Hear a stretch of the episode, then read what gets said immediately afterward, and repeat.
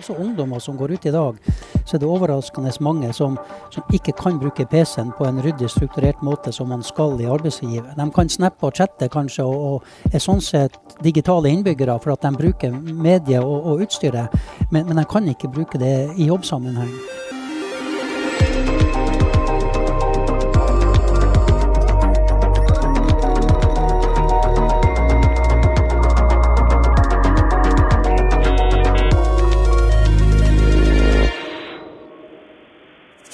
Du hører på Dobbeltklikk, en podkast fra digi.no. Mitt navn er Jan Moberg, og jeg sitter av alle steder i Kirkenes med Odd-Rikard Valmot. Hei, Jan. Du Odd-Rikard, det er fantastisk å være her oppe. Ja, jeg trodde jeg skulle fryse i hjel, men det er jo omtrent null grader ute. Ja, ja. Eller her borte, for det er jo ikke bare nordover, det er langt østover også. Det er det. Det er ja. faktisk veldig langt østover. Uh, men vi måtte reise langt uh, hjemmefra for å oppdage at uh, det er stort potensial og mulighet for redusert reising. ja, det er det. Ja, det er det virkelig. Spesielt her vi er nå. Spesielt her vi er nå, og innenfor de områdene vi skal snakke om, hvor det er snakk om å, ja, at uh, enkeltpersoner og bedrifter skal teste enkeltpersoner da, på forskjellige områder. Ja, og det er det behov for. Vi sitter nemlig hos Norsk Test med daglig leder Bernt Nilsen. Hei, Bernt. Hei sann. Takk for at vi kunne komme innom deg. Hyggelig. Velkommen hit. Ja, og uh, du, du uh, opererer jo, eller har operert i mange år, har dere gjort herfra en rekke med tester hvor dere har testet både enkeltpersoner og, og, og arbeids... Eller store mengder arbeidstakere i store organisasjoner. Fortell. Ja, det er riktig det. Vi, vi eh, har, eh, kjører vel nærmere 50 000 tester i året i, i det systemet som, som vi har utvikla og drifter.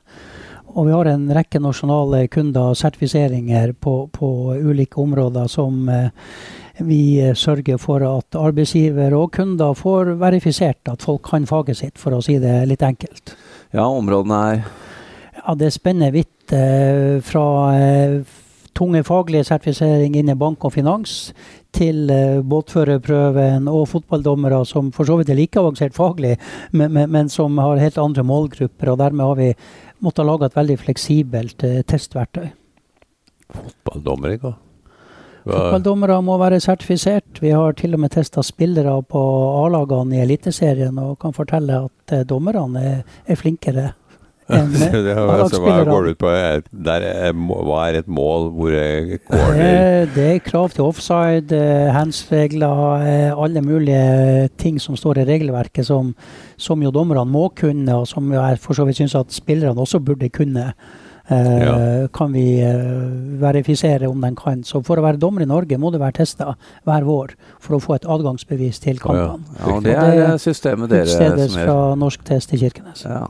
Og så har dere, du nevnte finans. altså Som finansrådgiver så skal du ha greie på hva du rådgir kunden til å gjøre? Ja, det er riktig. Og der har jo Finans Norge bygd opp et uh, svært apparat for å verifisere den kompetansen til alle de ansatte i bank og finans, forsikring. Uh, og der drifter vi et ganske komplekst system for uh, testing på ulike områder. Eh, hvor de blir autorisert etter en modell da, som, som eh, er utvikla over tid og dekker mange områder. Og så må vi nevne selvfølgelig båt. Så har vi båtførerprøven som vi har drifta i mange år. og Har det nasjonale båtførerregisteret i Kirkenes. og Da uh, utsteder vi ja, rundt 20 25 000 båtførerbevis i året. Og, og, det gjør vi som regel gjennom et nettverk av 400 testsenter landet rundt, hvor man kan gå inn og ta de testene som, som eh, kreves for å få eh, bestått og få båtførerbeviset. Ja, for da sitter jeg ikke hjemme og tar testen, da går jeg til et uh, autorisert testsenter? Ja, i det tradisjonelle systemet rundt eksamensgjennomføring så må man til det vi kaller et autorisert testsenter, der vi har autorisert personale som står for uh, gjennomføring av eksamen. Sånn altså overvåkning også, da? Det er eksamensvakter og som hjelper litt til hvis du trenger det, og, og sjekke identiteten og eh, ja, sjekke at du tar testen sjøl. Ja. Men Bernt, vi må jo snakke om én uh, ting som uh, Odd Rikard jeg syns var veldig spennende å høre om. da, var jo dette med videoovervåket test. Altså at dere faktisk kan uh, teste noen som sitter i, i andre enden og, og se eller følge med på at det ikke blir juks og en del sånne ting. Og da kan man jo i praksis sitte hjemme.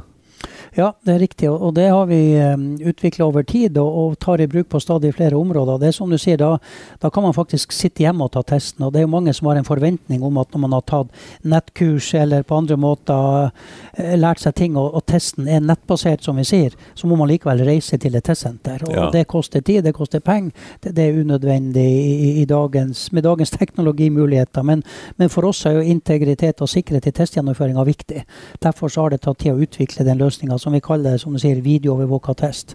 Og da sitter vi i Kirkenes og overvåker vi testkandidaten som kan sitte egentlig hvor som helst i verden.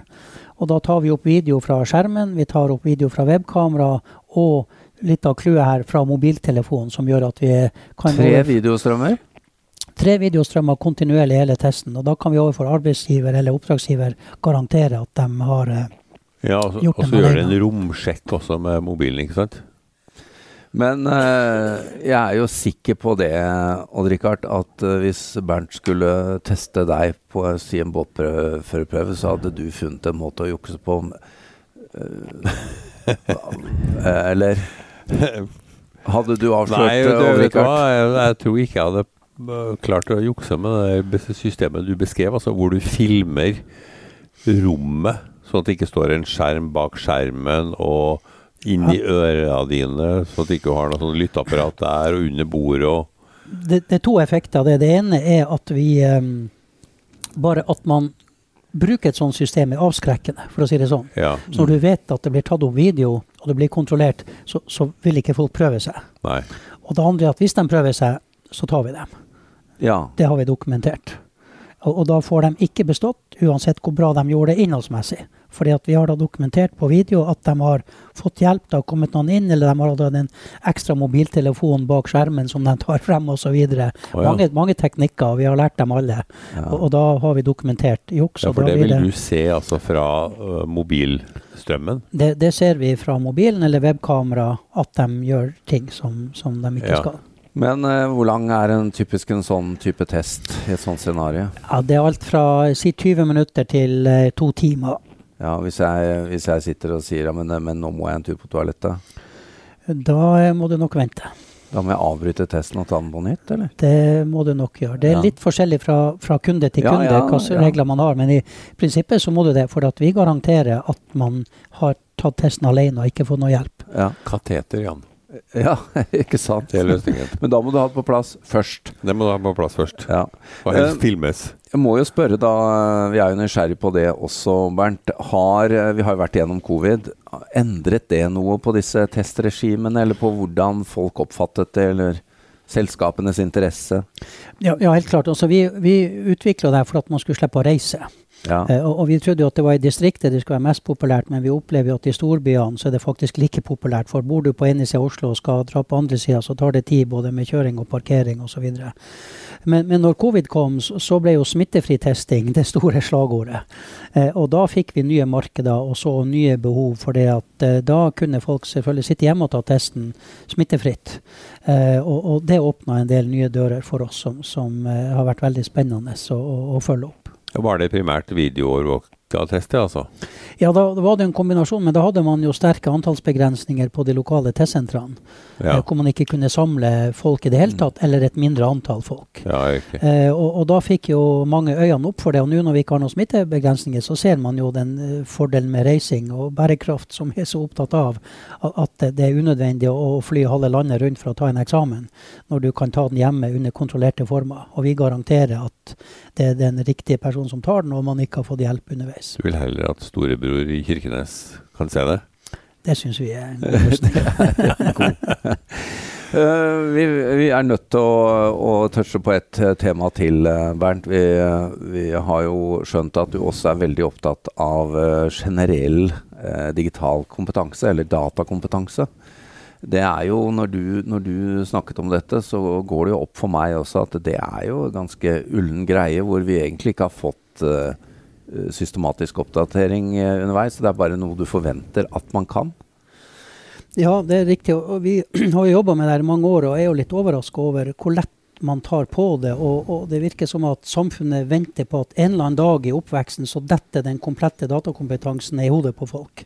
Om det er når man er 5 eller 15, vet jeg ikke, men, men det virker som at arbeidsgivere og skoleverk tror at det, det, er det som skjer. Vi har jo etter hvert mange undersøkelser som viser at det er store hull i datakompetansen. Ikke bare hos eldre, naturlig nok, som kanskje ikke naturlig hadde fått det på skolen, men også ungdommer som går ut i dag, så er det overraskende mange som, som ikke kan bruke PC-en på en ryddig, strukturert måte som man skal i arbeidslivet. De kan snappe og chatte kanskje, og, og er sånn sett digitale innbyggere for at de bruker medier og, og utstyret, ja. men, men de kan ikke bruke det i jobbsammenheng, med tekstbehandling, med regneark osv. Og, og det har vi eh, vært frustrert over og har laga løsninger for å, å gjøre noe med. Men, men, eh, har dere sett noe på, på type alder og kjønn, og hva er, er, det sånn at kvinner har eh, litt lavere selvbilde på datakompetansen enn menn? Eller? Det er helt klart. Alt med, med knapper har lys på, det, det tror vi gutter at vi er flinkere til. Men ikke er nødvendigvis? Ikke nødvendigvis. Og, og, der er nok til viss grad eh, en liten forskjell, men, men, ikke på langt nær så stor som man tror. Så, så vår konklusjon på det er at såkalte egenevalueringsopplegg, hvor man spør ansatte er du flink, kan du det du skal på PC-en, det, det, kan man se bort ifra. For det svaret er, kan man ikke stole på. Man må ha en test, en, en nøytral verifisering av nivået. Men du, eh, en, en, ting er test. Du tester jo kunnskap som folk har. Mm. Men når du da avslører at de ikke mm. kan mye, da, hva da? Ja, da må det, du jo få tilført kunnskap. Ikke sant? Og Det er jo det som er det nye konseptet vi har, hvor vi kaller det for behovsprøver opplæring. Altså Tradisjonelt så har man jo etter hvert eh, hatt veldig mye e-læring og tilbud om opplæring. Man kan få store pakker med, med hundrevis av videofilmer osv. Og, så og det er jo litt frustrerende når man vet at man har bare bruk for litt av det der. Eh, og som arbeidsgiver så vet man jo ikke eh, hvem som har bruk for hva. Eh, og, og, og, da har vi laga en pakke hvor man starter med en eh, kartleggingstest, en test deg selv-test. Uh, hvor man går gjennom typisk 50 spørsmål, og for hvert spørsmål man svarer feil, så logger vi det. Og så syr vi umiddelbart en opplæringspakke med de modulene du svarte feil på. Og så får du da tilpassa opplæring ut fra det. Ja, Så dere gir rett og slett opplæring òg? Altså. Vi gir opplæring. Det er bare vi som syns testing er artig. Arbeidsgiver er opptatt av kompetansen. Så, ja, så, så, vi må tilby en test for å få heva kompetansen. Og da har vi opplæringa inkludert i pakken. Så hvis testen viser at du er grisegod på volt, men kan ingenting om ampere, ja. så får du litt ekstra om ampere. det er riktig. men, men uh, er det sånn at uh, hvis en bedrift bestiller en oversikt over sine ansatte på kompetanse, at da følger med navn på Richard, ja, skåra der og Jan der, og er, hva er vanlig? Går man rett på? Selvfølgelig følger GDPR og, og, de krav som er. Og, og, og, eh, har man en liten bedrift med få ansatte, så leverer vi ikke rapporter på alder og kjønn og sånne ting. Nei. Har vi en større organisasjon hvor det er hundrevis og kanskje tusenvis, så kan vi selvfølgelig gjøre sånne gruppeanalyser. Men vi ser at den modellen som funker best, er det vi kaller anonyme eh, innledende tester. Ja. Anonym kartlegging det funker absolutt best. Det er raskt å gjennomføre, det er ingen risiko for det. at For mange det er, det er litt pinlig faktisk om du har en ledende stilling eller har hatt PC på bordet ditt i ti år, at det blir avslørt at du faktisk ikke kan tekstbehandling så godt. At du, du bruker unødvendig tid eh, når du skal gjøre ting i tekstbehandling. Så, så, vi anbefaler at man kjører den anonymt. Så kan bedriften da få en, en rapport som viser totalstatus. Og så vil nok noen, og det er litt avhengig av kultur internt, da, om man vil avslutte med en, en uh, sertifiserende test som, som, viser resultatene til arbeidsgiver, eller ikke. Noen sier at det må vi vite, for det er så viktig at man har den kompetansen i den stillinga der. Det må vi vite. Det er en del av medarbeideroppfølginga. Mm. Mens andre sier at det får enkelt uh, avgjøre sjøl, og det legger ikke vi oss borti som leverandør. Det får kunden bestemme. Men, de, men, den enkelte får vite resultatet sitt? Enkelte får vite det. Så, så mange får en aha-opplevelse og sier at oi, jeg var flinkere enn jeg trodde, eller kanskje det er ting jeg burde ha lært meg som jeg faktisk ikke visste gikk an med PC-en. Det får vi også tilbakemelding på. Oh, ja. Oi, går det an å gjøre det sånn? Ja, ja. Kan jeg få innholdsfortegnelse? Kan jeg få korrigert det her? Og kan jeg få sideskift? Uh, der jeg vil ha det, i stedet for å legge inn tomme linjer, som er typisk sånn vi ser. Ja, ja, ja. At brukere gjør feil. De sitter og taster linjeskift, linjeskift, linjeskift for å få overskrifter. I dag, de, i 2023? I 2023. Ja, og så og, endrer de fondsstørrelse, og, så ja, og, går det, det som selvfølgelig er bra, at vi jobber mer i team og jobber sammen om dokument, og mm. Da blir det problemet enda større. For da har du én kollega som bruker den der ekstralinjemodellen for å få overskriftene rett, mens en annen gjør det på annen måte. Og når den kollegaen forandrer på side tre, så roter det til resten av dokumentet. Mm. Og så er det ikke det at folk ikke får det til, og det, ikke, det ser vi jo, men, men de bruker uhorvelig lang tid på det. Og det, kvaliteten på det de produserer, ja. er langt under det man mm. Men, men altså, vi har jo hørt det, at i Norge er vi så gode på det digitale, og vi kjøper så mye elektronikk, og vi har så mange ja. PC-er, og vi har, vi har vi har jo egentlig PC-en Vi har de nyeste PC-ene, og vi har de beste te telefonene og whatever. Da. Men det, det er, er litt skyggetall her. Det er riktig. Og, og, vi er veldig gode og høyt på alle kjøpestatistikker, men vi er dessverre ikke mm. så gode på å bruke statistikkene. Eh, og, og, Der er det også en svakhet med offentlig statistikk, for man har ofte en antagelse og selvevaluering. Man spør er du flink, kan du bruke PC-en? Og det svaret på det er selvfølgelig verdiløst. Du, du, spør ikke om folk er flinke å kjøre bil eller bruke arbeidsverktøy. Du, du sjekker om de kan det eller har sertifikat for det. Og det er det vi savner i, i, Norge i dag, at man har en verifisert opplæring, gjerne i skoleverket, som man har i lesing, skriving og regning, som er de andre grunnleggende ferdighetene. Men digital kompetanse, som alle er enige om er en basisferdighet, der har man ikke strukturert opplæring i norske skoleverk i dag. Og det er et problem for nasjonen Norge.